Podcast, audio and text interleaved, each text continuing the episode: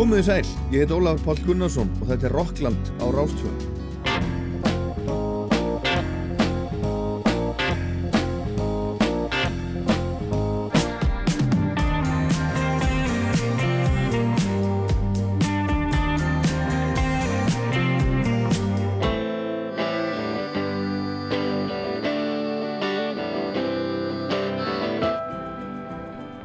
Gestur Rocklands í dag er Herbert Guðmundsson. Dag Því að ég man að þú skrifaðir allt niður á blað. Nú ertu ein manna. Af hverju ein manna? Þú sýndir mér margt sem að ég hefi gleymt. Nú hlýtur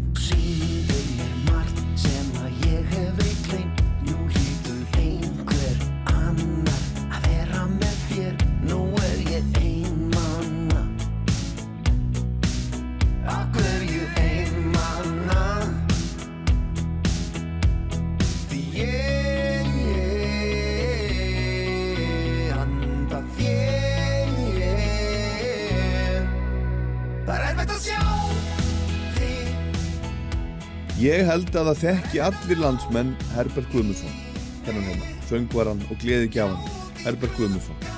Hann er búinn að vera að syngja og skemmta fólki við allar mögulegar kringustæður áratugum saman. Hann er vinsall í dag, þetta lag hérna með stjörnunum var eitt vinsallasta lag síðast árs, til dæmis hérna á Rástfjö.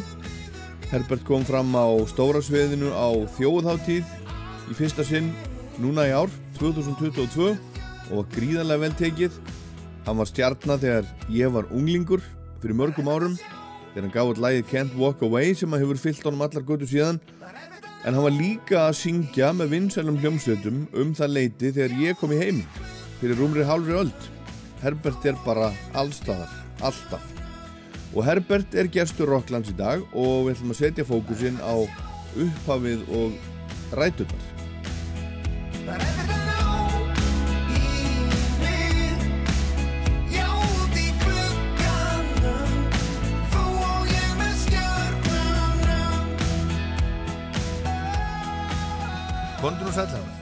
Blessaður. Herðu og, og hérna, uh, hvað ertu gammal? 47. Ég búin að vera 47 núna bara í, en 48 í 20 ár. Þannig ég vakna alltaf á hverjum degi, bara Já. Groundhog Day bara. Já. 48. Nei, svona ángriðs. Ég fættur 53. Fættu 53, Já, ég er 68. þú ert 68 ára gammal. Já. Vá. Og ég hérna, ég heyrði þið syngja eh, í sömar. Mm Það er ekki margir, margir á þínum aldri bara í heiminum heila sem eru í góðu söngformi og þú. Þú ert í það. svaka formi. Takk fyrir það. Ég er náttúrulega, ég syng náttúrulega mikið þar á hverjum degi og yfirleitt eitthvað og ég er búin að vera í stúdíói núna meira að minna þrís og fjólsunum í viku, Já, vinna með prótsantunum mínum, honum Halldóri á Bjössinni, já, þannig að, og svo náttúrulega mikið að giggum, rosa mikið að gi- já. hérna, Þú ert giggum. alltaf að syngja. Já, það búið að vera bara núna frá því að stjörnuna kom, bara Akkurat. búið að vera svona eins og Bubbi saði, bomba. Bara bomba. Þetta, þetta lag hérna sem við, sem við byrjum á með stjörnunum, þetta kom Mm. út í út í fyrra, fyrra haust. Já, og þetta er bara, September, bara október. ótrúlega vinsælt og mikið spilað og þú syngur þetta og allir syngja með? Já það er búa gaman eins og sjálfanum á, á síðasta lögadaga þá bara söng salurinn allir með. Já, já, það var mjög gaman. Já, já þú, þú varst þar í sjálfanum Já. já. Svo varstu í sömar á þjóðháttíð í fyrsta sinn? Já, og tókstu þetta þar? Að sjálfsögðu. Já, og tók það live já, það var rosalega já, gaman þú menna með hljómsveit? Já, Já, þú er ekkert mikið verið með hljómsveit. Þú ert, þú ert mikið bara með svona backy track. play, playback að, að já, syngja. Já, en þú varst með hljómsveit? Já. Stöðlabandinu nei, þeir voru þarna- Halldór Gunnar Ha- þeir. Halldór Gunnar Já, Albatross. Albatross, Já. þeir voru alveg frábær og þeir notuðu stemmur sko, eins og úr Kent okkur veið þá voru, þá notuðu við Janis sem opnar lægið þarna. Janis Karol. Já, það voru notaðar stemmur úr orginalum sem var að spila live með. Já, svo track, Aha. það var æðislegt. Já og hérna, gaf lögunum svona vist flavor. En ég var að horfa á heimildamyndinu þín talandi um, um, um Janis Karol Þú glemtir að, að segja frá því í gamlanda að hún hafi verið að syngja þess Það er ekki alveg rétt hjá henni að, nei, vegna þess að það var skrifað á plötumslæðið á Dawn of the Human Revolution. Það Já. stóð að hún væri í bakgröttum sko. Já, ok. Þannig að hún er eitthvað aðeins miskilið Já, já, allt í lagi. En hún sagði allavega hann í myndinni Já. Sem, ég, sem ég var að horfa á. Hún var svo mikið ellens, hún var í syngi Cats á þessum tíma, hún var í London og þannig að ég held að hún hafi ekkert bara fylgst með hvað var að gera sérna heima. En hún er sér að hvern röddin Já, í upphafi lagsins og, og, og inn í læginu og algjör snillingur, rosalega sönguna sko. Margir sem held þetta væri Helga Möller. Já, já, en þetta var Janis Karol. Já. Og, og myndin heitir Can't Walk Away. Og Já. Can't Walk Away er bara þitt tektasta laga það er bara, það er bara er búið að haldið í lífinu bara Það er- þessi ár? Já, það er bara síðan 1985 85 kom það út. 30. oktober 1985 okkur 30. oktober Eh, og okkur mannstu það? að því að ég var tilbúið með eh, allar, allar hérna vínlinir í kjallara. Ég var búin að gera plaggötun, ég var tilbúið með kassetnar og ákvað einhvern veginn bara 30. erði útgáðu dagurinn og það bara small einhvern veginn. Síðan fór ég að þræða félagsmiðstöðnar söng í öllum félagsmiðstöðunum og hægt og rólega bara steig lægið mér minnir þarna í byrjun desember hafa verið komið í fyrsta seti hér á Róstöð já og bara í félagsmiðstöðunum út um allt. Já, og hérna var 13 vikur á lista. Þetta mannstu. Já, ég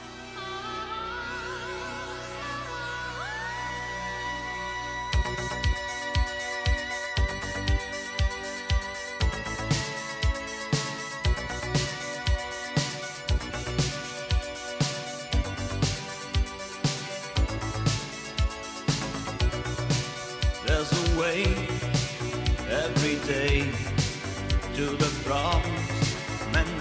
can't turn away. Cause in this life, people try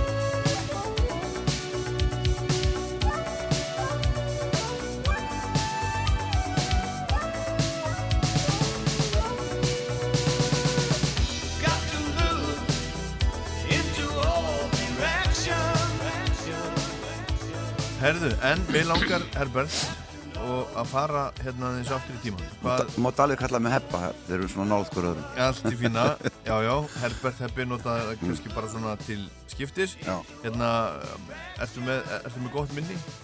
Svona þólanlegt, svona já, ég held það. Já Ef við byrjum bara og förum bara hérna í, í, í maðurinn nefndur Já. Hvaðan kemur þú? E, Og, ég, og hver, hver, já, hvaðan kemur heppi? ég er náttúrulega reikvíkingur, Mm e, ég er náttúrulega pappi er úr skagafyrinum Já, þannig kemur ögla sönguelementið og mamma er frá hellisandi ættuð ég elst, elst bara upp í Reykjavík og inn í löganiskörfi gengi í lögalega skólan og byrja fyrir í hérna, gítatíma hjá Þóri Baldus þarna uh, 60 og eitthvað 4-5 Já, og lærið hérna, þrjú fjóra grip á gítarinn. Og síðan uppgötaði mig bara strákur sem var þar í skóla sem heit, heitir Árni Pétursson og hann sagði þú ert alltaf að syngja, beðið ekki til að vera söngverðin hljóðstinn okkar. Jú, jú, jú, í skólanum? Já, þannig að við stopnum hljóðstinn sem heit Blúnix Blue Nix? Já, Blúnix, byrjuðum að æfa og spiluðum síðan í lögalgarskóla og fyrsta hérna giggi mitt var á senunni í lögalgarskóla Já, já. Og hvað árið þetta? Vá, þetta er svona 60 og 6-7 kannski. Já, já. Já. Þú, ert búin að vera alveg aðeins síðan þá Þetta er Já. bara, við erum að tala um bara bítlandir Já, sko, ég, ég nætti að næ bítlunum vegna þess að þegar ég er svona 12-13 ára þá byrja ég að heyra, þú veist, Love Me Do og þessi lög, sko. Og verða alveg bara bergnuminn, sko. Bara, wow, þetta var svo geggja, sko. Já, og hérna, þannig að og síðan átti amma heitin hún bjó efrihæðinni inn á Böðulegg og hún átti plötuspilara og ég man að fyrsta platan sem ég kefti var Rubber Soul. Aha. Og ég var að kaupa mér hann aftur núna um daginn því ég var að fá mér phone sem hérna, spilara bara old school, hérna, plötuspilara og græjur hjá hann steina. Í hljómsýn já, Hvað, Marantz? nei, nei, bara eitthvað mjög góða magnar og spilara og, og svona nokkuð góða hátarara Já.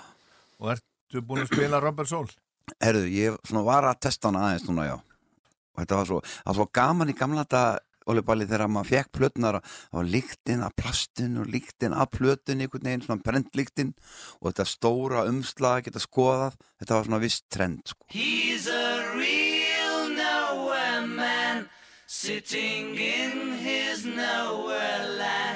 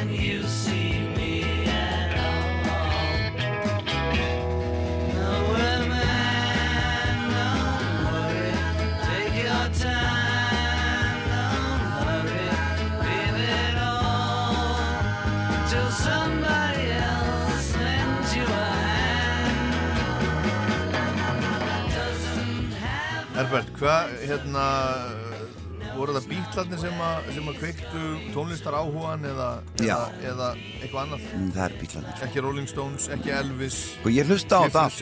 Nei sko, náttúrulega, ég er aðeins of ungu fyrir Elvis, því að það var svona aðeins fyrir minn tíma. En, en, en hérna, ég man eftir lögum eins og Be my baby, my hanky panky svona, svona lög. Og maður hlustaði mikið á kanan og við hlustum líka á, á hérna, Luxemburg, Radio Luxemburg því það náð, maður náði því sko stundum. Þannig að það var mikið hlusta á kanan en, en bítlarnir eru svona mínir læri feður það er að segja sem svo er sko. Já. og var einhver uppáhalds af þeim? Ég, ég náttúrulega sko, ég náttúrulega fílaði Lennon alveg í tætlur. En ég fílaði henni verið alla sko og svo fór mér að þykjast, þykja ofsa vænt um George þegar svona þegar leið á. Og fór ég að heyra og fatta hvað hann var góður lagasmiður þó að bæri mér ná honum í bandinu sko. Þannig að, en síðan fór maður alla sko, síðan fer ég í Stones, ég fer að fíla Stones ég fer að hlusta á þá, við ferum að taka inn á prógrami í bandinu, sko, alls konar Stones-lög, Under My Thumb og I Can Get No síðan kemur Bee Gees tímanbilið og ég var í bandi skólanúsi sem eh, kom síðan setna sem að hétt Raflost Já, og uh, þá tóku við alls konar bítíslög og þar ná ég hérna svona víbránum og það var sko, minn skóli, Óli Palli, er bara kóper alls konar bönd já, gegnum tíðina. Já, herma eftir. Já, já, já. Það er Gees og það eru Beatlatnir og Stones og Janis Joplin, við tókum hana. Já, og, og hérna, bara fullt af lögum. Og þú gæði sungið þetta allt saman? Já, bara mest að furða sko. Já, og síðan kom eh, svo leið tíminn og þegar ég var í tilvöru á sínum tíma þarna 72 þá bara eh, lá röddin mín það hátt að við vorum að taka Led Zeppelin. Já, og ég tók, við tókum hérna Immigrant Song og Whole Lotta Love og eitthvað fleira. Og ég átti svona copycat hérna effektatæki sem var svona eh, svona, svona svo segulband sem snerist á hausum. Já. þannig ég gætt búið til svona effekt eins og plant var með á plötunum já Svona repeat og- svona Echo. Já, svona echo, repeat og og ég var hann svona góður í því. Já, já, já, og mér finnst mjög erfitt í dag að syngja þurrt eins og ég kalla. Já. að syngja bara í mæk, í söngjari það sem er það er að vera alltaf eitthvað smá litur Já. smá bleita. Akkurat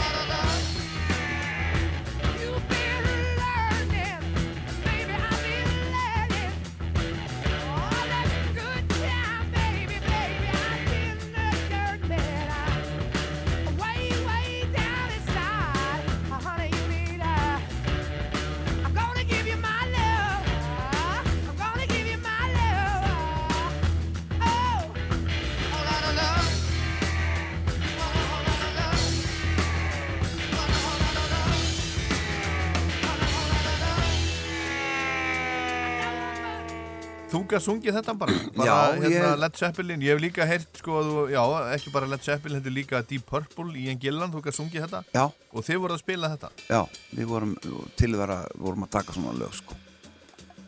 Og það var bara mjög gaman sko. En, en eins og segi, það er bara mín gæfa að, að, að ég held ég hafi spannað þarna á tímabili hátt í fjórar áttundir sko ef ég tók falsutuna inn. Já, ok. Þannig að hérna það var bara mikil gefa en röddin mín er þannig að liggja eins meira niðri núna með, með tímanum. En ég er ennþá að fara svolítið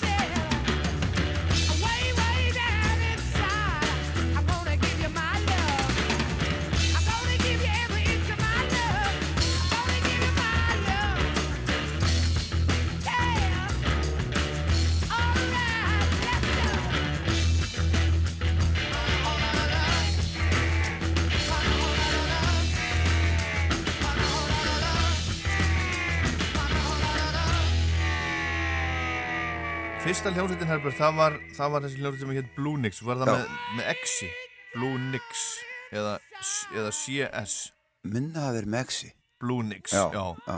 Og þá ertu, hvað hva gammal? Ekki svona 12 12 ára, 12, 13. búin að vera að syngja allar götur síðan þá? Já, og, og, og ég stoppaði smá meðan ég var í mútum ég held ég að þurft að Svolítið stoppa erfitt að syngja þá kannski. Já, ég held ég að þurft að stoppa smá. Já, en hvað hva gerir svo? Síðan hérna bara þróast fyrir það að verða raflost, hljómsninn raflost. Já. og þar var Áskett Masson á trommur. Uh, Sverrir Agnason á gítar og Sigurger Arnason á gítar.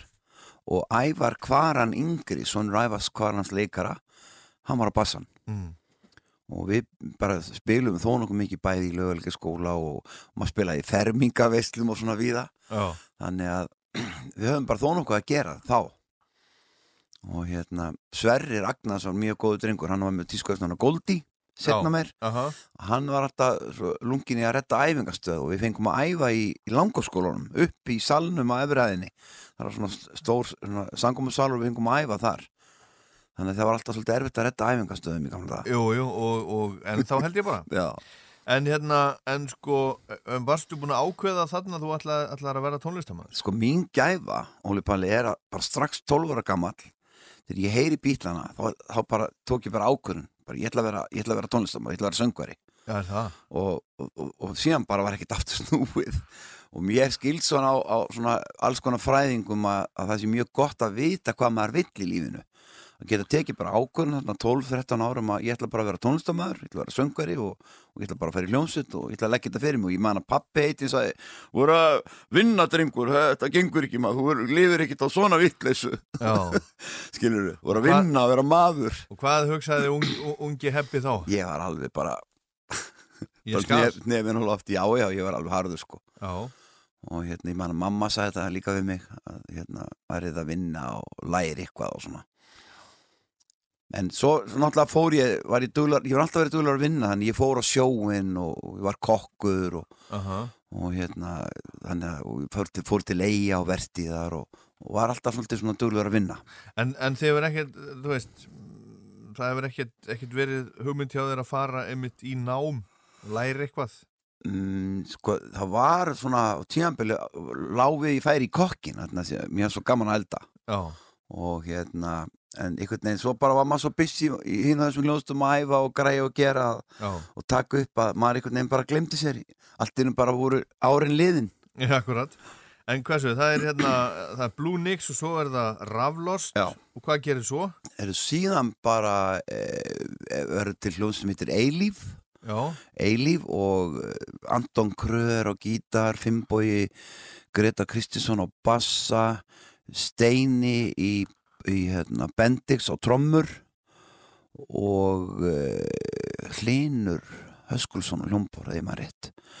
Og þá erum við að spila ykkur starf og Axel Einarsson heitinn sem samt í hjálpum þeim mm heyri í mér já, og býður mér í tilvöru já, já, og þetta er svona 71 2 kannski.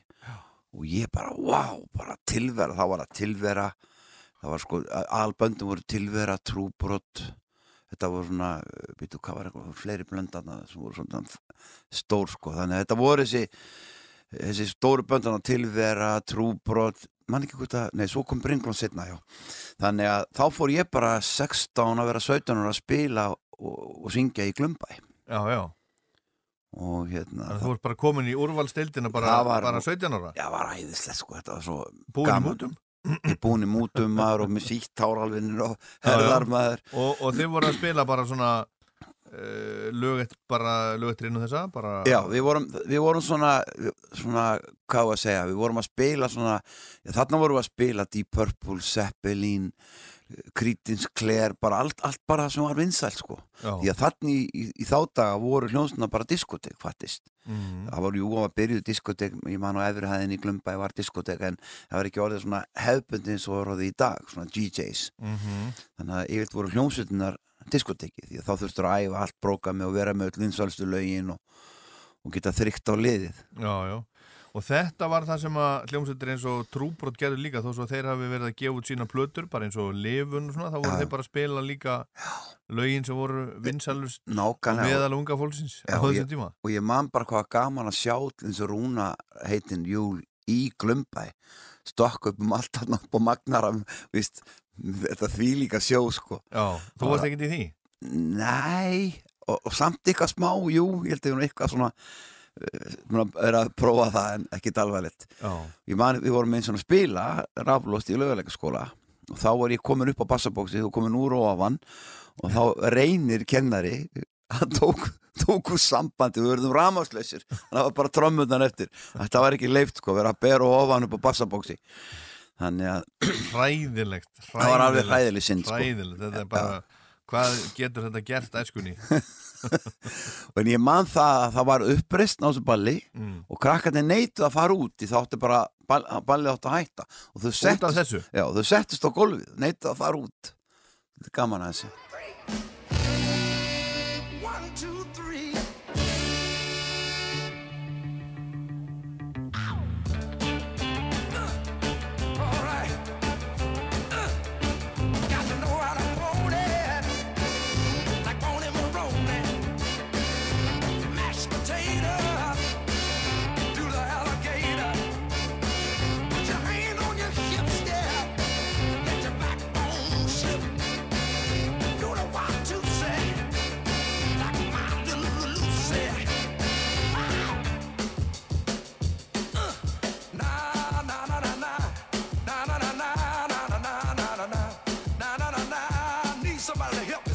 time.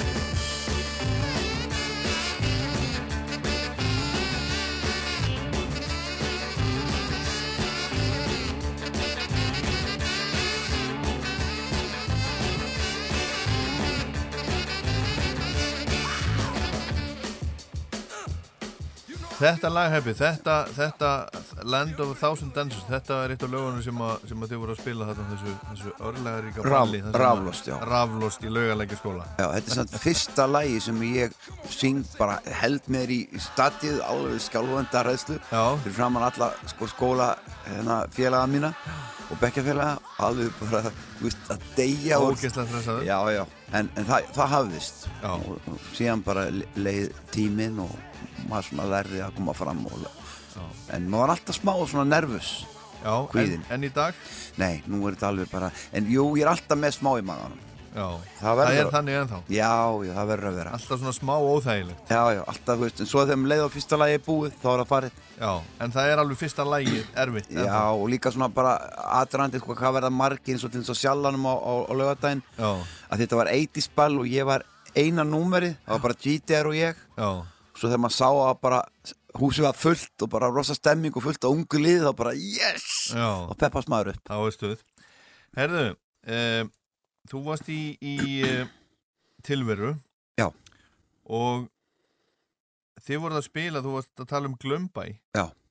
Þið voruð að spila bara kvöldi sem að Glömbær brann. Já, Þú varst bara eins og Forrest Gump. Þú varst bara, þú varst bara að vera allstað Já, við sko, við vorum að spila kvöldið sem að glömbæði brann og ég man að Fimboi vinn með hringdi og sagði bara, erðu, bara, bara glömbæði að brenna, þá var það í frettum á rúf sko og ég sagði, þú lígur þessu. Nei, ég sverða, bara reykur og slökkulið og allt maður, heyrðu. Og, og þá var sem betur fyrir þá slöð, þegar slökkuliði kemur mm, þá breyttuður segli við senuna. Við vorum niðri sko. Já, breyttu segli við senun og þá bjargaði hljóðfaranum okkar. Hins vegar var náttúra með allt sitt nýri í kjallara. Kalli heitin var með hammótti sittar og lesleið og allt og það flætti allur kjallarinn. Þannig að meira og minna þeirra tækja ónýtt sko En þetta var bara aðal og ég meina það var sko á þessum tíma Þetta var hvað, 70 og tvö, Já, þrjú.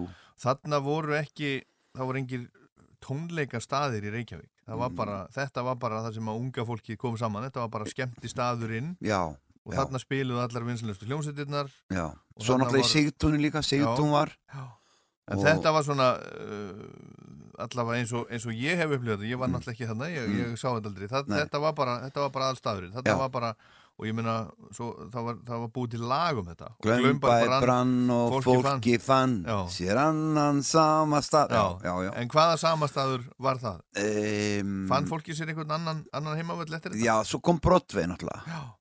hérna, Þannig að það er bara það sem að tekur við í rauninni af Já. Glömbæ. já og hérna þöks Jóla Löfdal fyrir það það var rosa flottu staður En segðu okkur aðeins frá Glömbæ.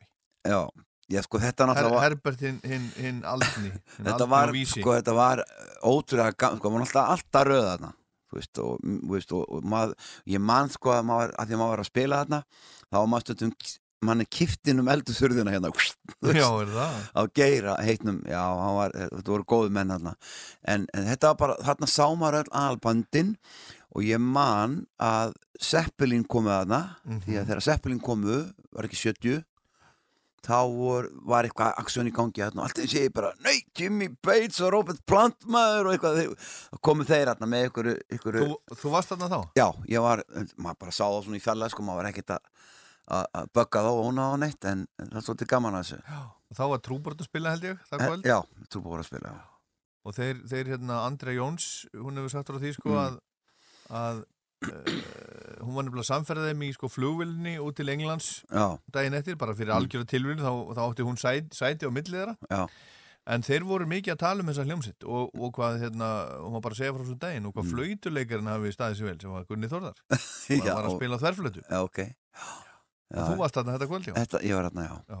Er, En hvað, hvað var opið? Ég meina, þú veist, uh, voru þetta allir daga vikunar og hvað Mm. var opið lengi nei, þetta var fimmtudagur, föstudagur og lögadagur og held sunnudagur líka minni það Já, og ég held að var ekki opið bara til eitt minni það, já. kannski tvö melgar Og hvað tók staður í marga? hann tók rosa mikið vegna þess að það var efrihæðna líka sem var diskotek og síðan var, þetta var skemmtilegu stað það voru svona svalir í ring, svona seip og brottu var síðan eða Hótel Íslandi raunum veru og uh, staðurinn tók örglega já, hvað maður að segja 12, 12, 1200 nei, 800 manns kannski eða verið fullt 700-800 manns upp og niðri. Já, og, og þarna, var, þarna voru bara allir skilur og, og í röðinni fyrir utan þar veist, var spjallað og menn var að betra að komast inn það var alltaf röð sko. Brennivín í kók. já já. Og hérna þetta var bara þetta var, þetta var staðurinn sko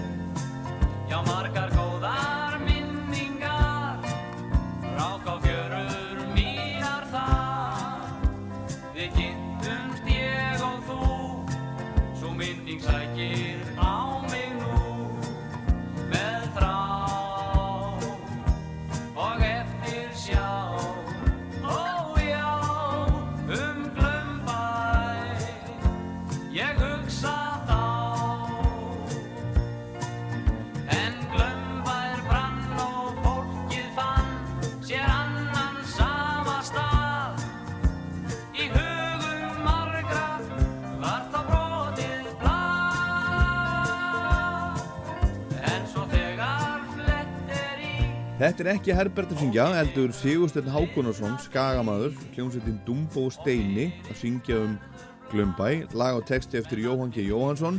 Þetta kom út 1977 en Glömbær brann 4. desember 1971 þegar Herbert var 17 ára. Kom eitthvað út með hljómsveitinni tilhör? þannig að þeir gerðu uh, ykkur plötur sko, fjör, mikið af 45 súningaplötum og síðan í lokin þá var Axel með eitt lag við förum út þarna uh, held ég 71 kannski 2, ég man ekki alveg. Og þá tökum við upp þá sömdum við bara á tjálstæðinu lag sem heitir Sjálfselsk og eiginginni. Kjálstaði hvar? í hérna ned på stranden Tornby campingplass ned på stranden Nú, nú. já við vorum í köpum, við fórum í Rosenberg stúdíóið. Já, og tókum upp þar.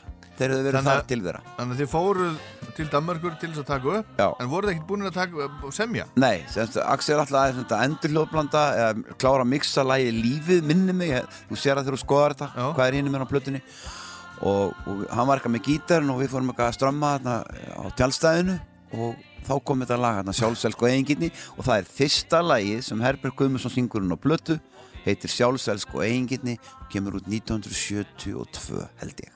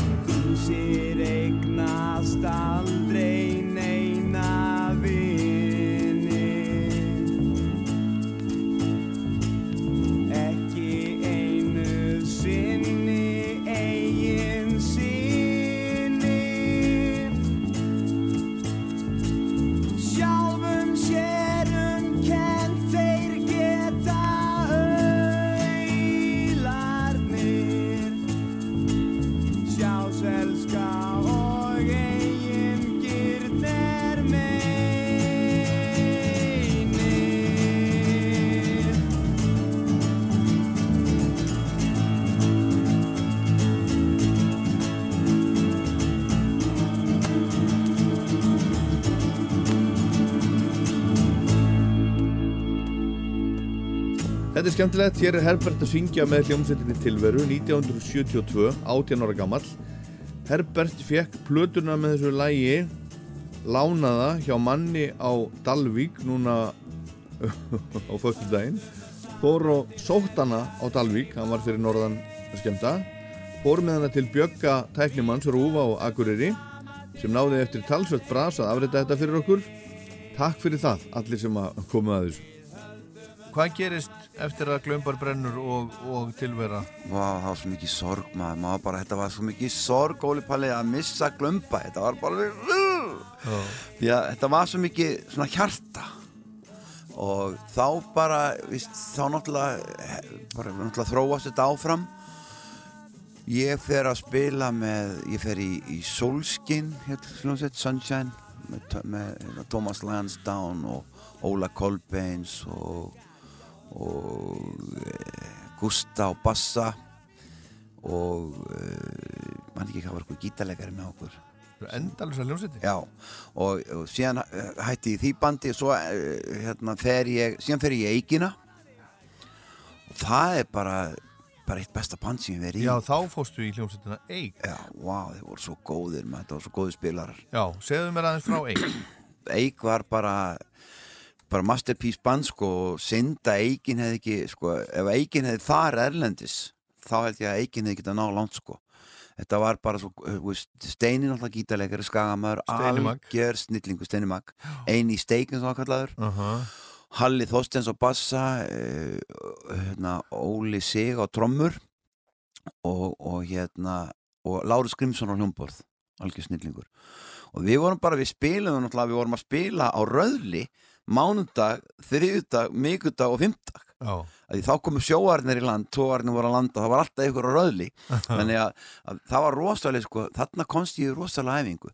Síðan var farið kannski á föstudöfum og lögudöfum út á land að spila. Já. ég manni fórum einu sinni og spilum í bíónu þar. Já, og að því við réðum Gunnar heitin Jökul sem umbóðsmann hann, hann ég sem fekk Gunnar til þess að hann var komin í ykkur svona umbóðsbransa og bauðst þess að umbókur og hann var æðislega duglur ráðki ég held að Eikin hef aldrei haft eins mikið að gera eins og með að hann var umbóðsmaðurinn okkar. Alltaf, þetta hefur verið þarna 75 sennilega. Og, það var, og þá fórum við bara, við fórum norður í Dinheima og það var upp á Skaga og það var til Eyja og við fórum svolítið við það sko. Og svo var bara reynd að spila, það var mikið skólaböll það held í okkur lífinu. Já. að vera að spila á, á skólaböllum. Þeir voru búin að, það voru búin að vera margar útgáður eik og búin að vera tveir hérna, Svartir. vesen var þetta. já, það það voru tveir blökkumenn Já, sem voru, komu í bandi og sungu með þeim og síðan var Átni sig hérna sem söng hérna Fallin með fjóra koma nýju og þannig það voru svolítið margir sem komu inn í eikina og ég er svona eiginlega í svona nast síðust útgáfan af eikinni því að síðan kemur hérna kemur hérna breytingi mikla er með dreymir kölska, hann sé elda mig og, og ég fer í ráningabókinu og þá stendur þú tekur ákvörðun sem er, er röng ákvörðun byrju, nú veit ég ekkert um hvað, um, um hvað þú ert að tala.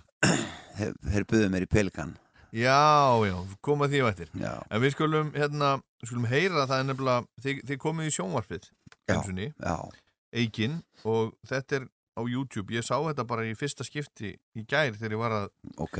þegar ég var að undibúa mig fyrir að hitta þið hérna. Mm og mér finnst þetta ótrúlega flott. og, bara, og hérna, mér langar að spila hérna, hérna lag sem heitir You and I. Já. þetta er sagt Eik 1975 já, og lagði mig þú átt lagið, og texti virkilega flott. Skulum hlusta á þetta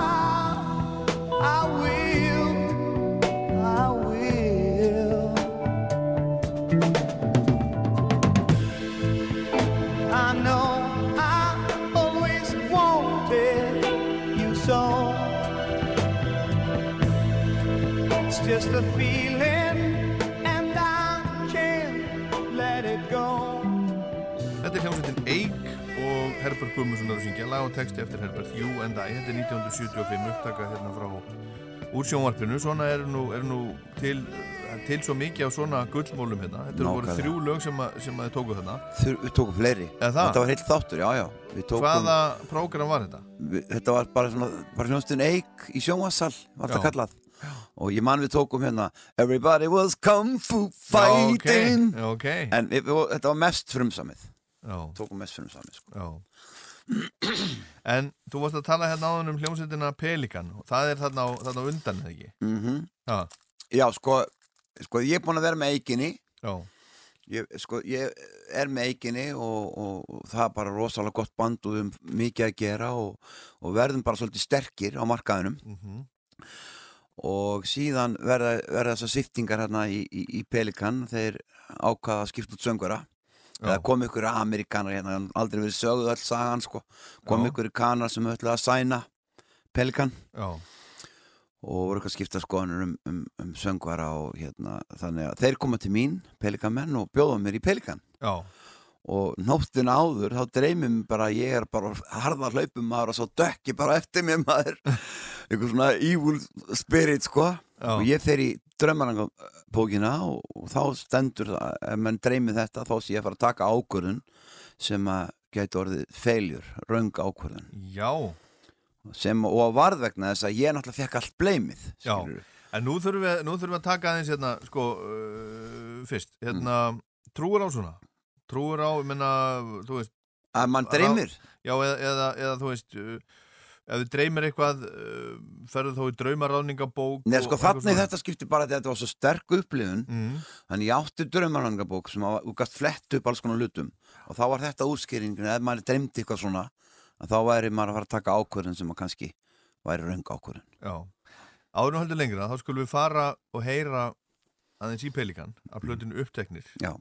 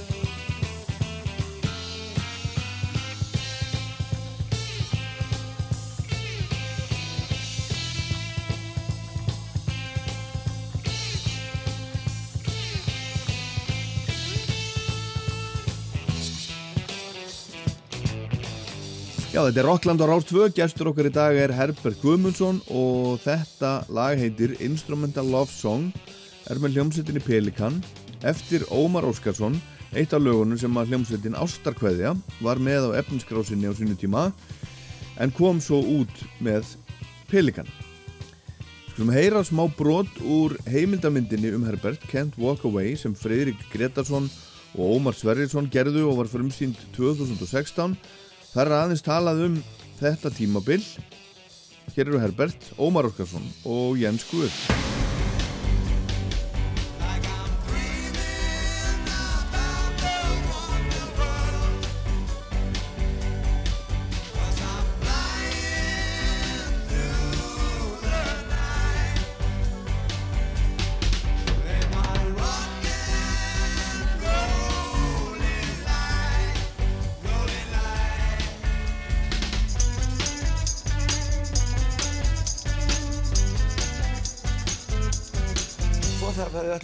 Spila og reynum að fara að taka upp plötu og þá mætir Pétur Kristjáns Pétur kom með rosalega plan.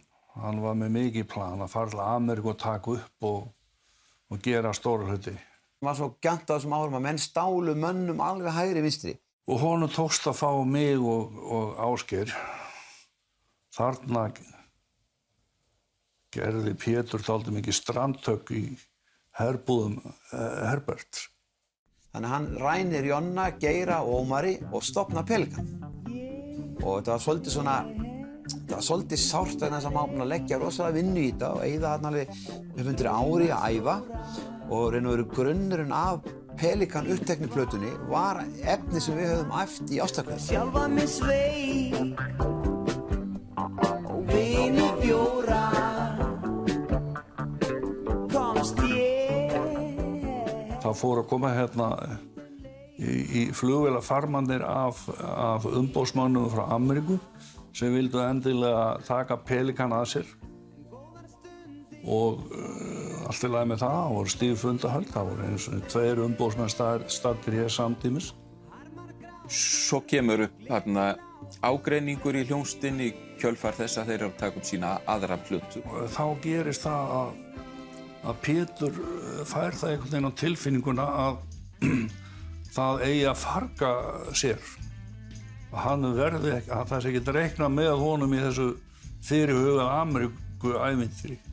Þá gerði hann dálítið töfrabrað sem ég held að, að ætti að setja bara í kænslubækur í stjórnmálafræði. Hann hafði samband við öll blöðin í bænum og það kom á forsíðu að Pétur Kristjánsson hafi verið rekin um pelikan. Við vorum aldrei spurðir, sko.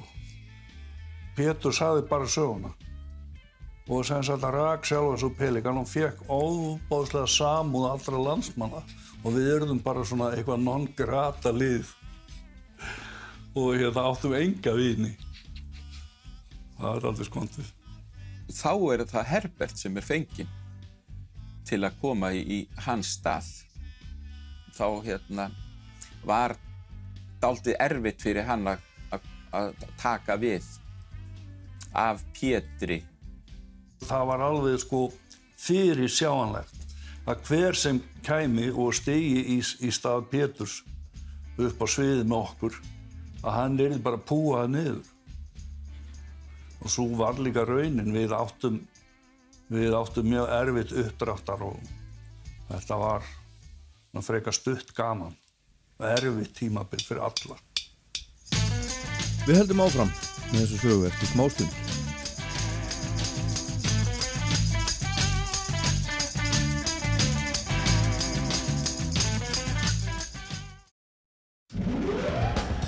Hi, this is Ian Gillan of Deep Purple. You're listening to Rockland on Ras Tour.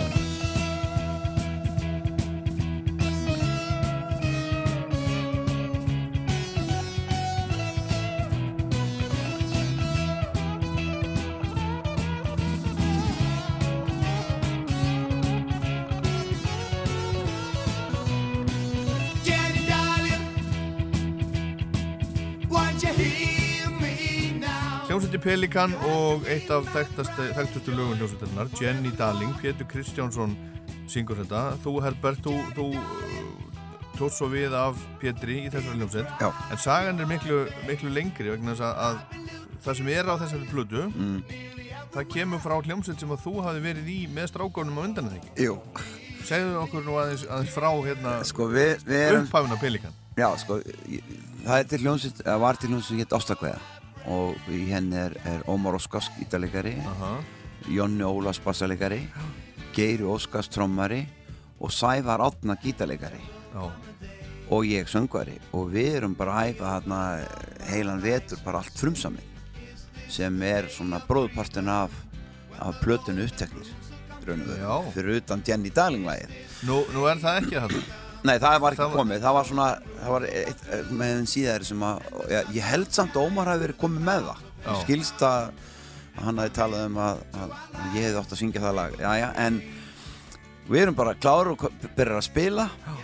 Og þá bara mætir Pétur og gillar all, allan mannskapin bara yfir í band, fær, fær Ómar og Geira og, og Jonna með sér í hljómsveit og ég og Sævar bara stöndum hann eftir bara með sárt enni búin að æfa hann heilan vetur bara gleðilega klárið með plötu Já. og allt frumsamið. Því við spiluðum ekki í tjarnabúð á þessum tíma ástaklega.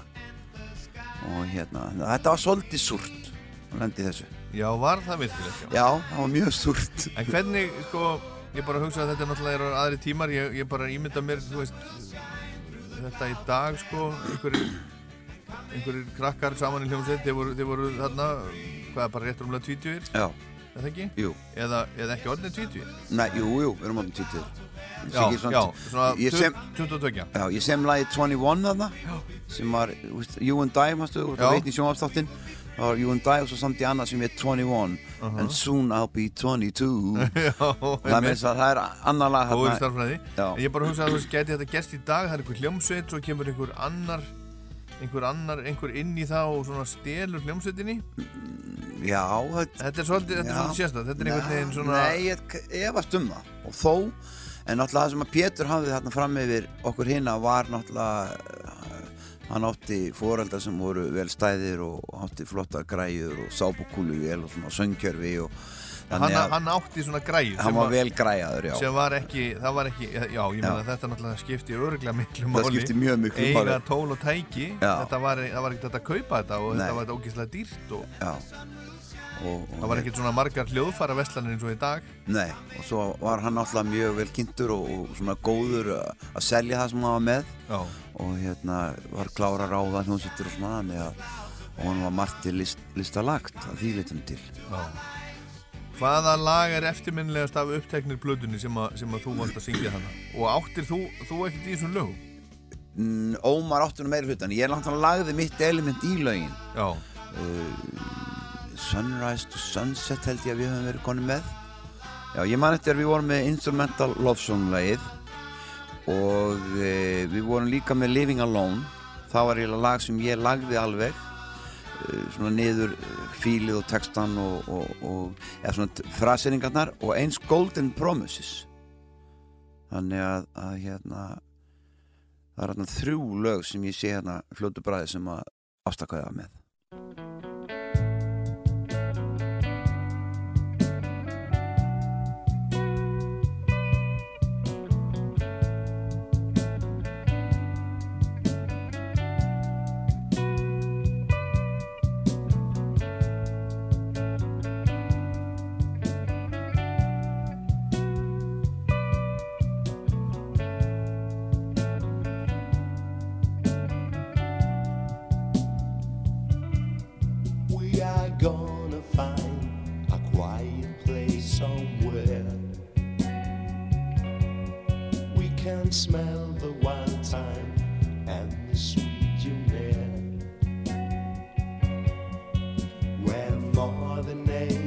makes our mind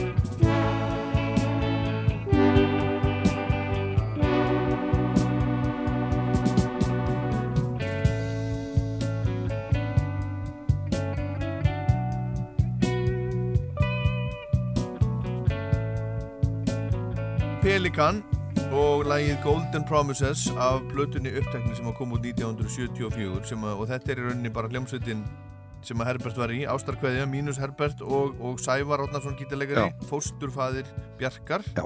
Guðmundsdóttur Mhm. hérna uh, þið, sko, þú og Pétur þið, hérna þið voru búin að þekkjast það ekki bara frá þið voru bara litli strákar? Já, hann var náttúrulega tveim árum heldur en ég en hann var í löguleikskóla líka hérna og við raun og veru ölumst upp í sama hverfi. Löganiskverfinu Já. Og, og voru þið hérna, hérna félagar eða? Nei, nei, ég Nei. ekki sagt það. Nei, Nei, hvernig var ykkar, ykkar samskiptum, samskiptum hátta? það voru ekki góð. Þau voru ekki góð, segðu okkur frá. Já, hann var svona, maður var dissaði svolítið á honum og svona, hann var eldri en ég og, og svona, það var svolítið svona, Já, já, en býtu, sko, já, hann er, hann er, hann er, hann semur um eldri en þú og þú er, þú er hugsanlega litið upp til hans eða eitthvað, hann var svona, uh, þú veist, hann náttúrulega var, eldri og í Já. hljómsveitum og töffari já, og, já, ég man sko að, uh, hann var í Pops, Popsórunni þekkti þá. Og við fengum að koma fram hérna raflóst í pásu hjá Pops. Já, þannig að ég myndi því, það var og Pops, já, og, og Pops var þess að skóla hljómsveit í sama skóla. Já, sko, þeir voru bara byrja að spila út um allt Já. þeir voru ekkert endilega skólanumst í löguleikskóla en, Nei, en, en þeir voru allir þaðan. Eh, Nei, Pétur var hérna Nei, Biggi Raps og var ekki óttar með þeim Jú, já, og Óli Sig og trommur og, og Pétur var á bassan sko. Nei, það, ég held að Pétur hafi verið eini sem var á löguleikskóla já, já. Já. En þeir voru svona stóri strákar og, og ég menna, já, Já. Og, og, já, hann var að dissa þig bara. Já, svolítið svona, það var svolítið svona, Já, af hverju var það? ég bara, nú veit ég ekki Nei, hmm.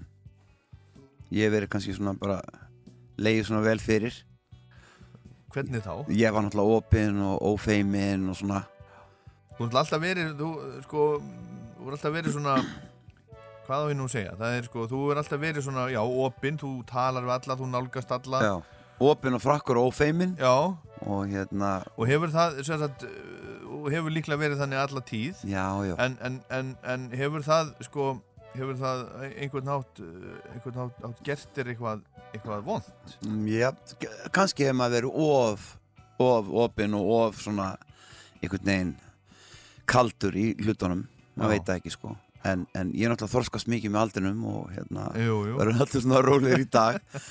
En, en sennilega bara ofirkur með aðteglisberst og allt það sko ef maður hefur verið greindur sem er náttúrulega mín gæfa sem gerir það að verkum að ég næja að sita yfir með gítarinn og, og halda árum að strömma lagangla lagið komið. Já, þú ert náttúrulega gítarleikari líka. Já, spila smá á kassagítar. Já, ég, ég hef því spila á kassagítara, þetta er ekki smá það, bara, þú ert bara, þú ert, þú ert gítarmaður. Já, En hérna, en sko, ég er bara velta fyrir mér eh, sko þeir eru búin að þekkjast þú og Pétur síðan þeir voru svona litli strákar og, og hann, hann, eh, hann er eldri, þú ert yngri hann var sett ekki næs við þig eins og, eins og, eins og náttúrulega eldri drengir eiga að vera. Þeir eru Mhm, náttúrulega að taka litlu strákornum já, já. vel og hjálpa þeim. Þannig, þannig svona það var ekki þannig mórall á þessum tíma. Nei, nei, nei, nei. var það uh, það var meira svona hvað eru þið eitthvað að reyna þarna? Já, tittinir já, veist en var það, það stemningin svona uh, svona yfirleitt? Já, ég hugsa það, ég hugsa það. Það var svona, þú veist, þú vildir þú veist, þegar þú varst komin ykkur staðar í ykkur stöðu, þá vildir þú halda henni. Þú vildir ekki ykkur litli titti væri eitthvað að- gjamma utan í það. Já, en byrju ég bara að reyna maður þessu, hann er sem sagt, í Pops og þú ert í þessu hljómsveitum og það er þessu hljómsveit þarna, Raf- ásta, ástarkveðja, já, hérna Raflost. Raflost Já, og já, en svo verður sem sagt ástarkveðja sem að verður eiginlega að Pelikan. Mhm, og hann er söngverðin í Pelikan. Mhm. Og, og, og gefa út þessa plötu þarna og svo kemur áhugi frá útlöndum. Mhm. Og, og, og, hvað þá? Þá er, þá er hann rekin eða hvað? Nei, hann, hann sagði að hann, hann hefði verið rekin Hann sagði það að þetta ætti að hérna, reyka sig á. Hann ætlaði að vera fyrir til. Já, var hann sagt ekki rekin úr hljómsveitinni? Eh, Ómar sagði í viðtali að hann hefði reykið sjálfan sig. Já, og farið í blöðin þannig að það hefði verið trikk aldarinnar. Já, hann fekk alla samúð með, með, með hérna, þjóðarinnar með sér sko. og þetta var náttúrulega mikið mála á þessum tíma. Meina, þetta var mikið blaðamál og ofsa mikið skrifað um þetta og, Já, þannig að og Pelika var bara einhver vinsalasta hljómsveit landsins þetta var bara stærsta band landsins. Stærsta bandið. Já, og, og, og, og, og þú kemur inn sagt aftur með þínum gamlu félögum og, ætlar að halda áfram? Já, en gekk það svo ekki? Nei það var svona hálfdapurt bara. Já, og hérna enda og, út af þessu, þú veist, hafði hafði þetta eitthvað að segja, eitthvað svona almenningsálitið, eitthvað? Já, já, við, strákarnir sem að ráku Pétur fengu svo Herbert í staðinn og já, og ég fekk bleimið þið var kent um það? Já, þannig að hérna. En þetta var samt góður skóli og maður lærði af þessu og þetta gerði það að verkum að maður var bara sterkari og, og, og ákvæmlega í því sem maður var að gera. Já, og þá fer ég að stofna hérna dýnamitt Já. en ef, ef við stöldrum aðeins þetta við þarna hvernig eh, hvernig leið þér þarna á, á þessum tíma? mér leiði ekki vel.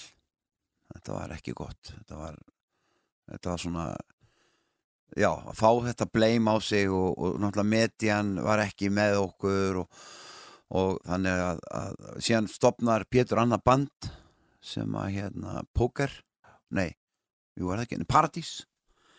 Og, og sem að náttúrulega bara hann náttúrulega tekur alla sína gömlu fans tilbaka og og enda með því að, að það byrjar að fjara undan okkur og fyrir að vera svona frekar erfitt að vinna. Ég, vildi, ég var fann að semja þarna, vildi koma með lög og það var ekki verið að gúttira þannig að enda með ég bara yfirgaf og hérna stopnaði dýna mitt Já, þeir voru síðan áfram Pelikan án mín, án söngvara. Jonni fór að syngja.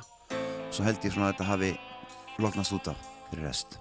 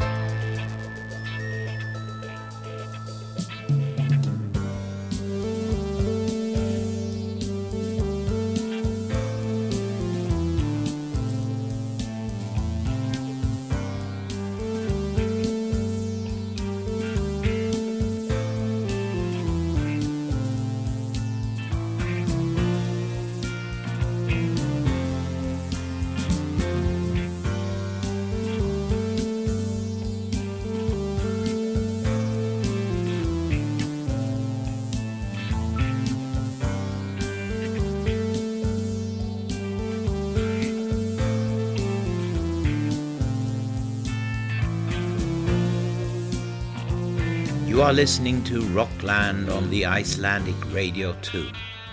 On Ollie Pally's show, uh, this is Bjorn Alveus, and I'll send you my best wishes from Stockholm.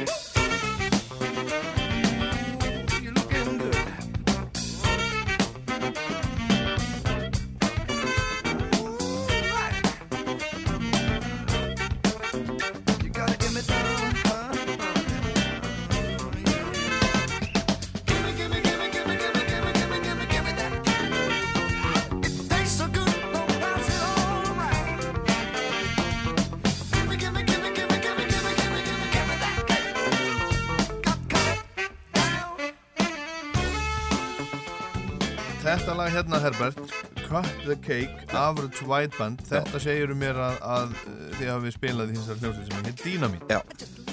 Hvað var einkennandi fyrir þessar hljómsveit og hverju voru með svona, við vorum svona eh, með blásara, við vorum tvo blásara og, og hérna, vorum svona svona funk svona pop funk band og og að því okkur langaði að gera þess veist, ég hugsa með mér, nú er ég búin að vera í Pelikan og ég er búin að vera í Eigotum böndum og nú er ég að gera eitthvað nýtt. Þannig að, að við blésum svolítið og við, við náttúrulega aðstæðin voru klúburinn og síðan tjarnabúð og það voru þessi staði sem vorum að spila á. Hins vegar var Dynamit ekkert mjög lengi starfandi. Við endaði með því að trommarinn þurfti að hætta hann sprakki honum hljóðinn hann ósala góðu trimbild, Svavar hétt hann, aðferringur hann er eitthvað svona Svavar eða er. Og Guðjón Þór Guðjónsson var á bassa. E, Nicky Rópes á piano Siggy Long á hérna sax og Rúnar gítarleikar úr grafík hann var að gítar. Já, já, já, og hérna, þetta var gott band, það var mjög góðir sko. Já. Og hérna Og hvað var það að spila? Þau voru að spila svona funk. Þetta var já, svona, við erum að spila funk. Já, það var mjög vinsælt á þessu tíma Svona upp úr 75 já, það og hérna og við heldum alveg að þetta væri bara það sem kom að skildi Já, já, en, sem var á þessu tíma. Já, Og böll og svona út Já. um all land já, já, já. Og svona. En, en eins og ég segi, við, við vorum mest á Stórreikvík þegar að spila og kannski Já. í suðunni og svona og hérna, en svo bara svo eh, hætti það band. Það var ekkert mjög lengi sem við störfum sko, Já. Hvort það var ár eitthvað svo Mér langar aðeins að tala meira um Pétur Kristjánsson og, Mm. og, og, og þig. Þeir eru þarna bara þekkistráður litlir, litlir strákar já, og ég svona skinja það að honum hafi ekki bara, bara verið halvpartin illa við þig.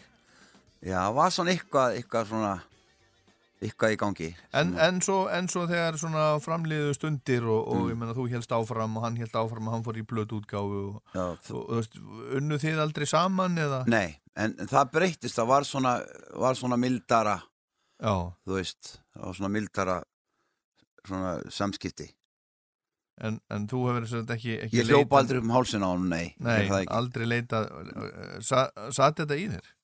Setur þetta í þér enda? Já, nei, þetta er, þú veist, náttúrulega hann er náttúrulega látin skilur og hann getur ekkert verið hérna til að verja sig þannig að það er alltaf leiðilt að tala um einhver sem er látin en, en, en eflaust sko, þetta var vist einelti og ég var lagður í einelti hérna í den sko fyrir náttúrulega að vera opinn og, og, og svona ofvirkuður og með aðtöklisbrestin skilur Já, sem var náttúrulega ekkert þekkt þá það var ekki, þessi hugtök voru ekki til. Nei, þannig að, að, að svona, já, ég var fyrir svolítið svona aðkasti Já, en, en, og það er náttúrulega margir víst, leikarar sem hafa talað um þetta og, en, en hérna einhvern veginn þetta þroska mann og maður hérna, verður sterkari fyrir rest. Já.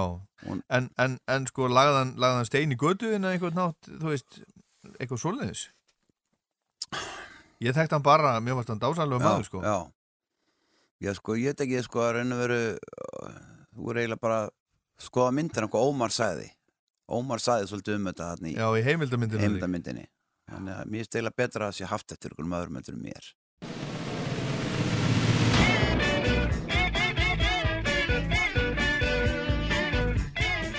að Herbert hafi verið í vitlausum skóla. Hann fekk ekki með sérstakann byrjun. Hann var í sama skóla og Pétur Poppari og þeir voru báði búin að fá sér mikrofóna. Ég held að Pétur hafi ekki líka neitt sérstaklega samkeppnin. Kallaði hann varða grúpustand og, og svona dissaði hann mikið. Svona einelti það fólst í því að gera Herbert öngunaverðan, hlægilegan og ótrúverðuan í alla staði. Og þetta er daldið erfir kross að fara með út í bransan.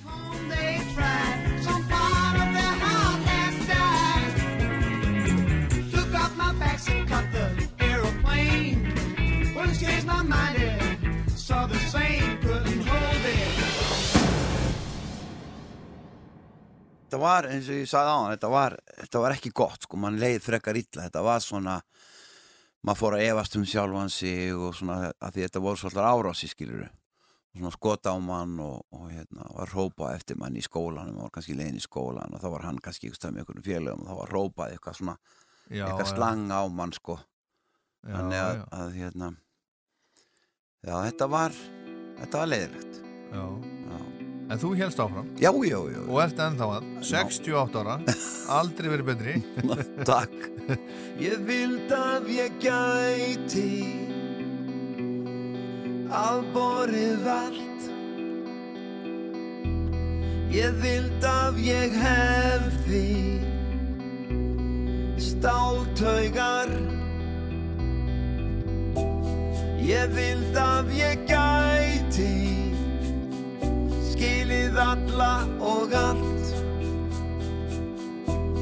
Ég vild að ég hefði sagt þeim allt.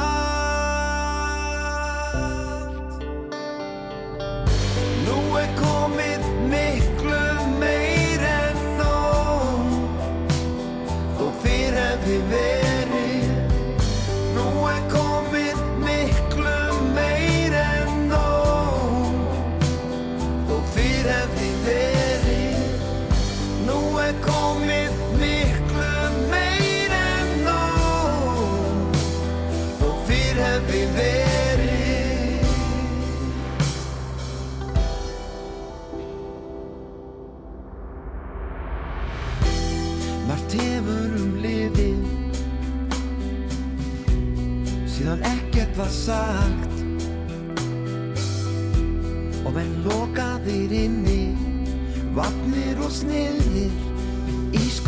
страх.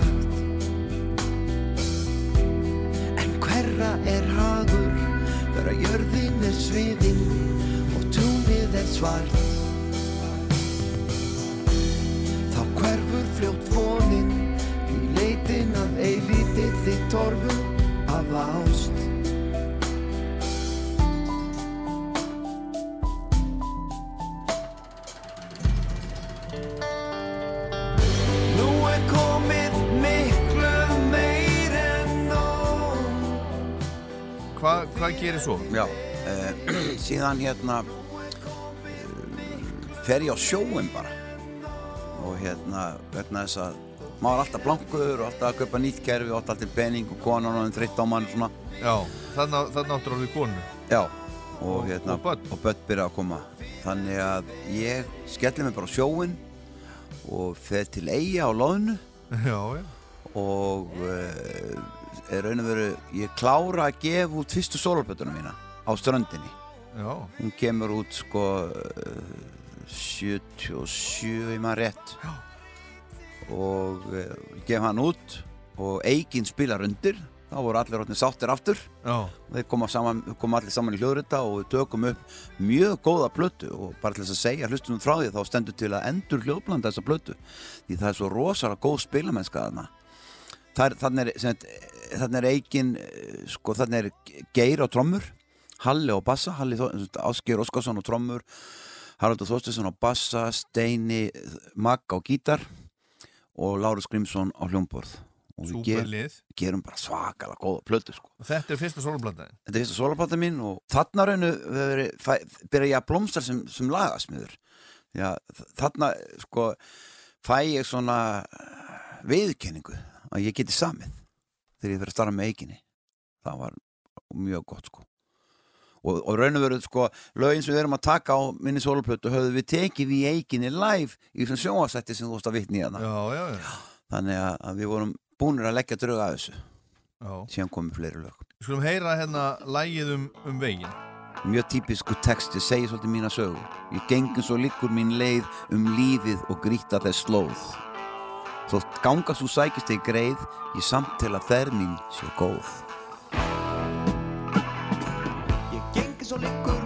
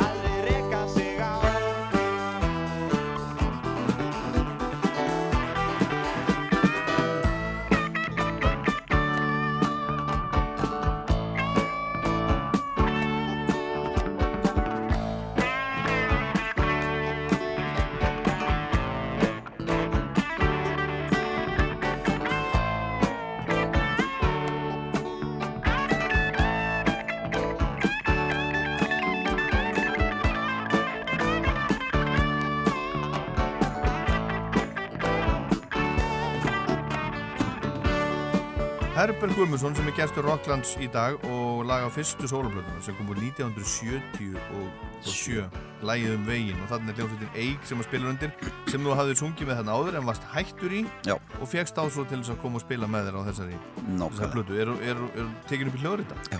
Já. Góða minningar? Já, bara þetta var reyndislegt sko Já. Þarna var Siggi heitinn Átna, upptökumæður, bassalegari sem var með náttúru Mhm. og hérna, og ég man að pappans Jónasar R, hann Jón eh, minn mann heitið, ekki, jú Jónas R. Jónsson, Jú, jú, jú, jú. hann var rosa góðu við mig og ég vil bara nota tækverð að þakka honum fyrir að, því hann treysti mér alveg fyrir að koma bara og taka upp og ég myndi bara borga þegar ég gæti skilur Já, því það kosta alveg, ég man eitthvað 7-800 þúsund þá að taka upp svona plötu sem var svaka mikill peningur. Og var það, hvað var hægt að kaupa fyrir 700-800 þúsund á það þeim var tíma? ör, örgulega heila íbúð. Já, það? já, ég sa það Vá, þannig að hann var, var rosalegt mál. Já, þannig að Jón treysti mér alveg fyrir að ég Þessi plata er ekki á Spotify. Nei, ég, sko það sem ég er að fara að gera núna er að fara að endur hljóðblandana og setja hann á Spotify. Ljómandi. Já, En þú sagðir eh, að þú hefði farið á sjóin gerður þið þessa plötu og fór svo sjóin já ég sem gef út hérna Magnað. Gef út hérna á ströndinni Já, og síðan hérna ringi bróðum minn í mig í Vestmanni og segir hérna, vantar hérna, því að vissi ég var svona góður að kokka. Já, og hérna, hérna bara þú fer í afleysingar á lónubótunum. Já. Þannig ég leisti af og Gullbergin og Hugin og Bergvaffe sem voru sko aflahæstu lónubátanir Já, já, og þjenaði eins og engi væri morgundagurinn. Svo getið borgað plötuna. Já og ná að köpa mér íbúð. Og nýjan bíl úr kassanum. Og fer í brúðkostferð til LA með fyrirrandi fyrirrandi Já, og sem Hollywood-lægið Já, er það? Um borð. Á, á þeim tíma? Já, sem Já, það I was on my way down to Hollywood Já, Já, já, já. þannig að að því ég var að leiðin til LA Sem sagt, á þessum tíma Mm. þá fórstu eina loðnuvertíð Eina eða tvær og gæst keftir íbúð og bíl. Já. Skuldlust. Já, og fór í hennar brúkusveit til Ameríku Ótrúlegt. Já, þetta voru geggja tekið sem menn höfðu þarna En þarna var á þeim tíma þá, þá, þá, þá var ekki staðgreisla skatta eins og, eins og Nei. er í dag. Þannig að þú þurfti að borga skattin árið eftir. Já, það var rosa erfitt Áttur þú fyrir því? Nei, þá var, þurftum maður að fara aftur á sjóin Já, sem segja fyrir einmitt. skottan Ég man að mjög erfitt að komast út úr Já, mjög erfitt að komast út úr Og þó allt sé nú svona allavega hérna í, í heiminum og þjóðfélaginu þá hefur nú ímislegt, ímislegt batna. Batnað, já, Eins og já. til dæmis þetta. Já, En það ekki? Fluttir þú til Vestmanni? nei, ég, ég hérna, bjó hjá bróðum Já. Sigga Gum, ég á tvo bræður vestmannum Já, Raggi Rakari og, og Siggi Gum já. og hérna, þetta eru, eru þjóðfræði frá- Nei, já, en byrju okkur byggu þeir í eigum Þeir bara fóru á vertið á sinn tíma og, og örðu þar bara eftir? Já, og konurnar bara gripa og, og þeir, giftust Þeir, þeir kynntu sem sagt eiga stúlkum. Já, já, já. giftust og búa þar og, og hérna, Erum við að tala um sko eftir gós eða fyrir gós fyrir gós Já, Þeir já, fara fyrir gós já, já, já, já. koma svo upp á land og fara aftur Já, þeir, já, þeir fara sem fyrir gós bara fyrir að vinna þarna, minnir einhvern veginn báðu tveir og enda með að þeir kynast þarna góðum konum og, og giftast og búa, það, búa enn í eigum. Já Og þú varst á þjóðhætti í fyrsta skipti í sumar Já, Komu þeir? ég held, þeir eru búa lítið fyrir að vera á þjóðatíð. Er það? Já, þeir, þeir fara alltaf burt úr bænum þegar að þjóðatíð. Í alvöru? Ja, svona hinn setni ár. Já, Já, en, en Viktor Frandi, hann hérna eh, er bassaleikari í hérna, heitar ekki, hvað heitar það, Dans og Rósum. mm. Er ekki. Jó, þetta hann, Viktor frendi með sonur Rakkabróðis, hann spilar á bassa og, Já, já og hefur verið að spila þannig að ég er með titti hann hann í einu tjaldinu En, en hérna, þú áttir þarna uh, Íslenska popstjarnan Herbert, Mm. ungi maðurinn og til konu Já. og hvað mörg börn? tvö, þrjú Tvö, þrjú börn já og varst komin til eiga, búin að eigða öllum penningunum í þessa plötu. Mm Hvað, hvað fa- fannst konuðinni um það, þessari? ég, ég var náttúrulega duglar að vinna þarna þannig að ég hafði tekjur og gáttum keft íbúðuna góðu þarna í engjaselinu þeir kerfi ekki íbúð þannig að Engisel nummer hvað? eh, 85 Já, þannig ég held hún að verið bara nokkuð sátt við, við mig sko. Og hérna en síðan náttúrulega fyrir að fjara undan og, og, og ég fyrir að dansa við þann dökka dansa við þann dökka Dancing with Mr. D. Já og, Og hvað þýðir það? Brennivín og já, og svona Dó- neysla enda með því að, að dóp? Já, já, hún á hendi mér þeim út. tíma? já, já, já. Enda með, það var svona kannabis og, og, og sull sko. Þannig að enda með því að hún hendi mér út. Og, Hún gerði það? já, og hérna það verður skilnaður. Og ég sem After the Storm Já, sem að hérna er svona powerballada crying out eins og við segjum og hérna en þá ringir ég með góðu vinnur Fimboi Greta Kristinsson. Já, og hérna þá hefði ég verið á okkur uh, Sæbjörginu frá Reykjavík held ég, kokkur. Því ég náttúrulega fór bara sjóin og hann ringir mig og segir það hérna, ég er með hljónst hérna á Bólingavík hérna, Kahn já, og hvað vantar söngvara. Og ég er náttúrulega lausuriður og ákvað að flytja vestur til Bólingavíkur nýskilin nýskilin og, og ég man sérstaklega hérna, því að Lennon er skotin Já, þetta er þá, 80 Já, og ég sem bara, wow, það var svo mikið sorg. Og hérna svo byrja að flytja í vestur og, og hérna, og ég byrja að æfa og ég byrja svona að stokka upp það band. Kaupa nýtt sönggerfi og enda mig að fá um nýjan trimbil í bandið sem var Hilmar Valgason frá hérna, Söðakróki æðislega, við köllum hann dýr, hann var svo þéttur og góður. Mm. Og ég fer að spila með Kahn og ég segi bara í strákanum við verðum að gera plötu. Og við spilum um alla fyrir því þarna vitt og breytt, þá er grafík að spila líka fyrir vestan. Og uh, við erum skiptum svolítið með okkur markaðinum hérna Kahn og grafík. Og við erum að spila í Bólungavík og við erum að spila á Ísafyrði í Sjallanum og, og við erum að spila bara á fjörðanum þarna, Flateyri og Þingeyri út um allt og bara lifum á þessu. Og svo er ég bara í fristusun að taka borðunum Já, og hérna hjá konunum sem voru að skera úr. Og bara meira aftur góðu skóli, gaman að því. Og við byrjum að, ég segi við strákana ég var svona, má segja hljómsdastjórin og við leggjum í sjóð og síðan bara um haustið 84 að þá förum við og tökum upp í Grettskati kan í rektinni og þá raun og veru verður til minn fyrsti smellur sem heitir Megis og draumur og við gerum það lag og mér er svolítið gaman að ég var að hlusta á það aftur núna. Það er svolítið svona supertramp-feelingur í, í hérna draumnum. Og hlustar á saxin Já, þá bara já! Og fikk ég svona feedback af Supertramp en þetta var lag sem virkaði mjög vel með þessu draumur. Og við gerðum hann heila plötu nýju laga plötu Mhm. sem að ég var að enda við að láta mastera og setja á Spotify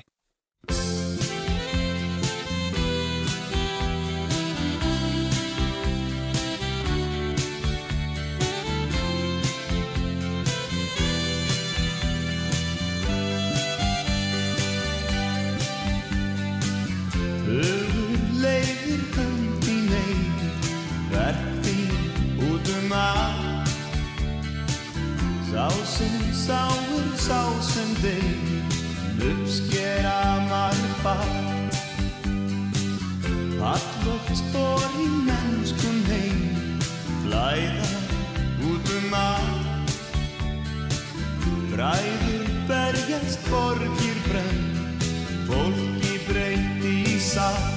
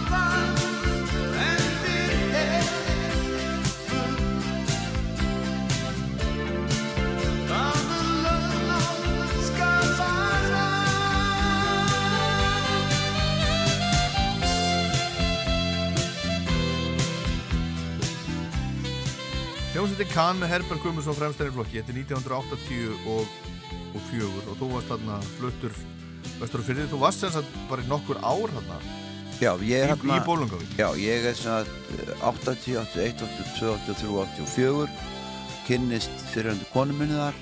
Konu nummer tvö? Já, Já, og hérna hvar, hvar kynntust þið? heyrðu, hún var bara að vinna í fristúsinu Já, og hérna hún bauð mér í mér bóði í partí þá var hún búin að vera í Bólinga einhver tíma og þá verða stekkirnir alveg brjálaðir hérna í Bólinga og enda með ég bara kýldur hérna, kaldur bara í þessu partí. Í alvöru? bara neldur bara einhverjum gæja, bara rótaður Já, því þú varst að, varst að abbast upp á annara manna guggur. Já, þannig að, að ég vakna bara við það að hún er eitthvað að styrma yfir mér og allir farnir. Og ég fór ekkert úr þessu partí. Þannig að síðan eh, liðu árin og vegnuðust þrjú börn saman. Vá, og hún átti eitt fyrir svona geta partíin undið upp á sig. Ha, Gott partí. Það var gott partí. Þannig að síðan er ég hérna í víkin og spila og þarna kemst ég í rosa góð æfingu. Við erum að æfa mánda, þrjóta, mikudag og svo erum við að spila yfir alltaf á föstum eða lögatum, ykkur starf á fjörðunum sko. og vinn í fristihúsinu Já, já, taka á borðunum bara og, og svo lendi ég að stála því ég var einn af fáum sem kunna stála. Já, það er triks Já, Hvað, hvað er triksið þegar, maður er að stála? pappi kendi mér þetta, hann kunna stála. Það er svona hvernig þú bara heldur á, á stálinu og hvernig þú berði að. Ekki, ég, ég er að horfa Herbert, hann er alveg með handtökin, ég, ég, ég þekki þetta, þekki handbræðið Já, eftir að hafa unni í líka. þú- kannt að stála? Já, ég kann svona, ég, ég held það, ég, Ok. ég allavega geri það sko, mm en hérna, svo er það næsta sem að gerist í rauninni Mm. eftir þetta, er að þú gefur út plötuna þína, Dawn of the Human Revolution. Já, og ég, svona, þegar ég flytt vestur þá er ég búinn að gera nokkur demo með bandóðir hétu við, við spiluðum á Melarokk, náttúrulega bandóðir. Þú spilar á Melarokki? Á Melarokki. Býtu þar var bara Q4U og Pörkupilni Já, já, já. Og, og allir. Og, og, í bandinu bandóðir er Ásker heitinn og trommur Ásker og Pörkinum Já, uh, Rúnar á bassa Rúnar úr, úr hérna, Rúnar eh, hérna, úr utagansmönnum Ellingsson Ellingsson, Já, Mike Pollock og gítar. Já, ég og gítar og syng. Þetta er hljómsveitin bandóðir. Já, og því miður Rúf filmaði þetta allt en, en það var því sem við vorum. Ég trúi því. Já, ég hef ekki ég held að sé ekki ég reyndi eitthvað að finna þetta á sínum tíma. Já. því að Rúf filmaði þetta allt og tók þetta upp Já, sko. já, Já. akkurat en þarna legg ég drög af, af, af hérna þess, af grófu hliðin á donu sem var svona bara svona punk rock. Og, og hérna þannig að uh, maður, þú það var svind, sindarokk á aðliðinni og svona punk, svona eningi Hug- rock. Hugsaður það þannig? já, sko, af því að ég er náttúrulega kemur þessum, ég er náttúrulega bara rockari, raun að vera, ég, þú veist, svo bara detti ég inn í 80s, skilur Já, bara allt er bara kynist í stengri með eina sinni og, og yngvar og þeir eru bara með okkar að synda og sequence og ég bara yes! Já og þegar ég er með lag hérna það? ég með lag sem ég samti hérna í fangi sem ég var börstaður hérna Can't Walk Away og við ekki að prófa. Og hérna þannig að þarna var ég, þetta var svona, þarna skil ég við eiginlega fortíðina og rockið og, og, og, og fer yfir í 80s Já. og, og, og leit á plötuna sem svona bjeliðin var poprock og svona, já, svona aðeins punka smá Aha. og síðan er synd, syndapop hinum einn Mm Herðu, við skulum heyra hérna næst lag sem að heitir After the Storm Já. Hvað segir okkur um það? það er skinnaðalagið ólega það sem ég sem eh, eftir að minn fyrirhandi fyrirhandi hendi mér út Fyrrandi, fyrrandi, það er fyrsta konan já, Varstu erfiður? örgla.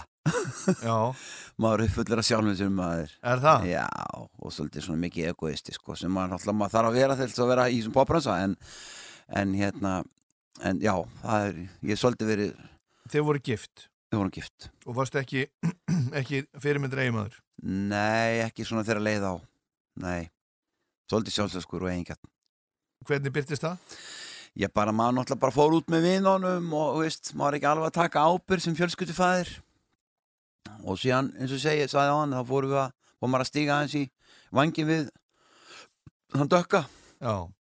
Er þið í sambandi í dag? Já, við þekkjumst, við erum góðum vinni sko og við hefum hérna þrjú börn saman og dóttir mín býr í Danmörku og heimsækja hana mikið, hún á þrjú börn og svo, svo ég son í Austuríki hann á tvö börn og svo ég son hérna sem býr hérna í Hafnarfjörðu á þrjú börn ég er á svona sjö börn með tveim konum Sjö börn með tveimur konum Já. Ertu góður afi? Já, ég er ágættur Við hafa mjög gaman að mér barnabörnum Við skulum heyra After the Storm I miss you so much. I'm all out of touch. Told me to go,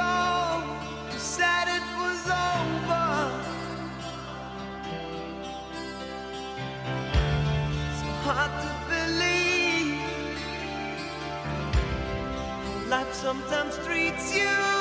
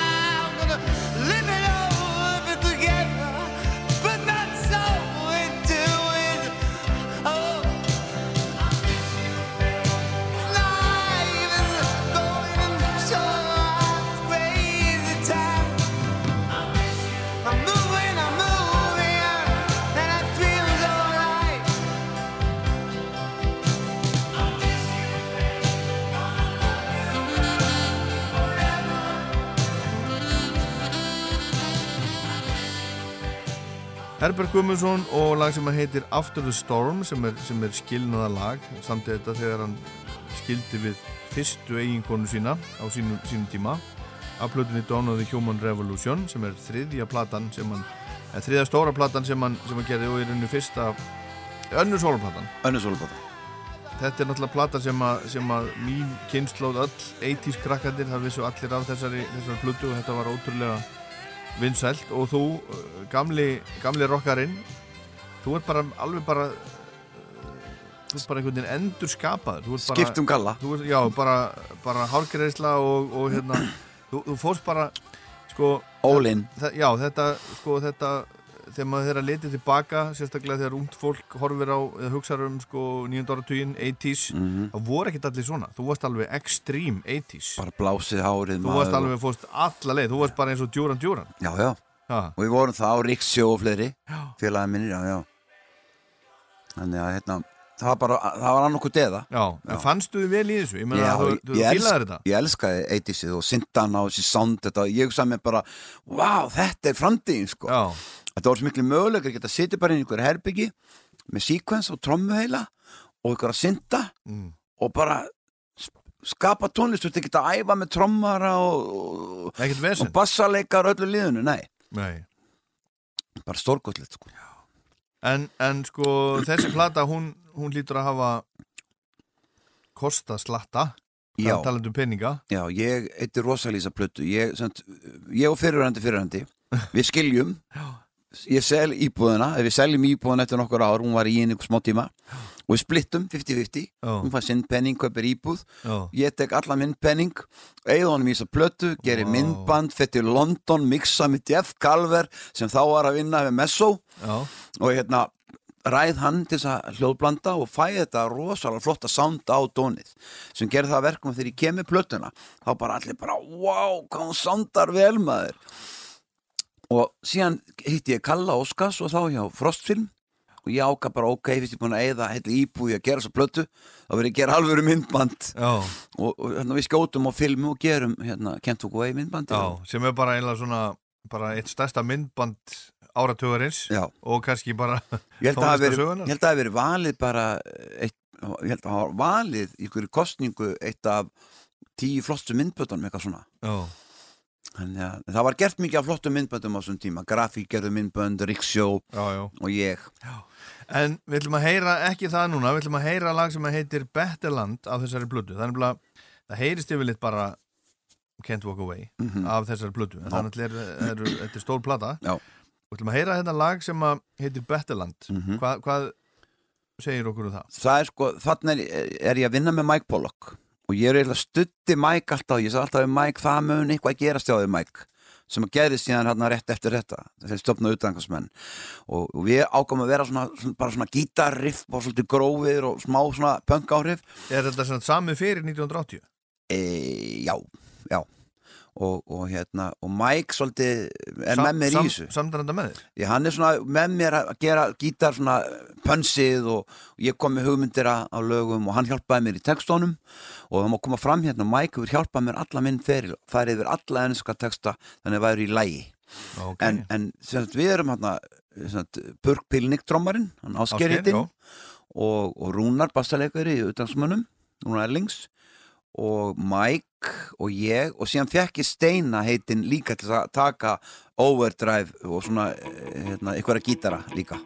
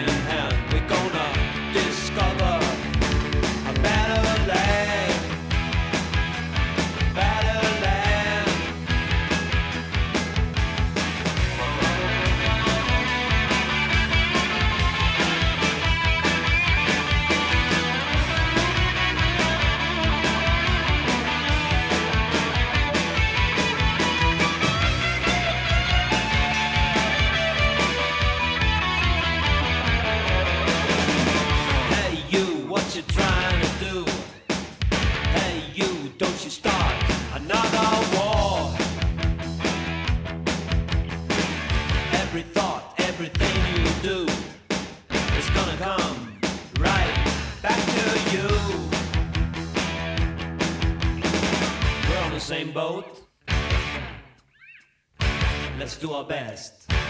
Let it flow.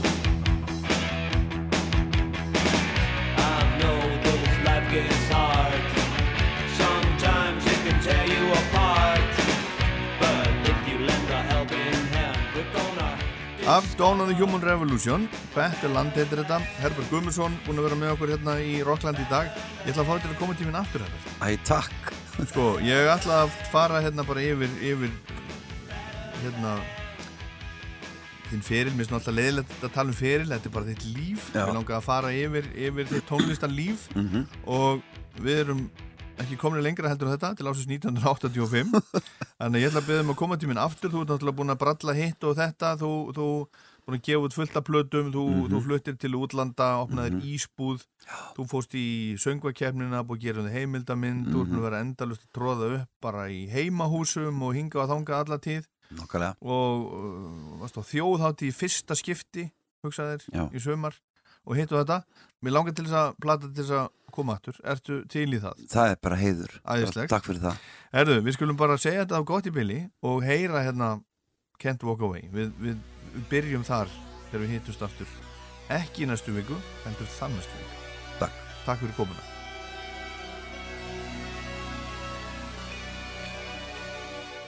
Björk Guðmundsdóttir verður gestur Rocklands eftir viku en þetta var Rockland, ég heit Ólaður Páll. Takk fyrir að hlusta.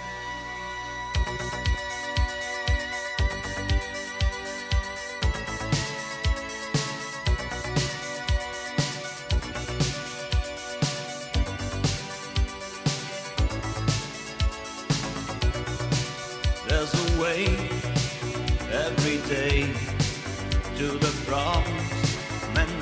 Can't turn away. Cause in this life, people try to walk away and say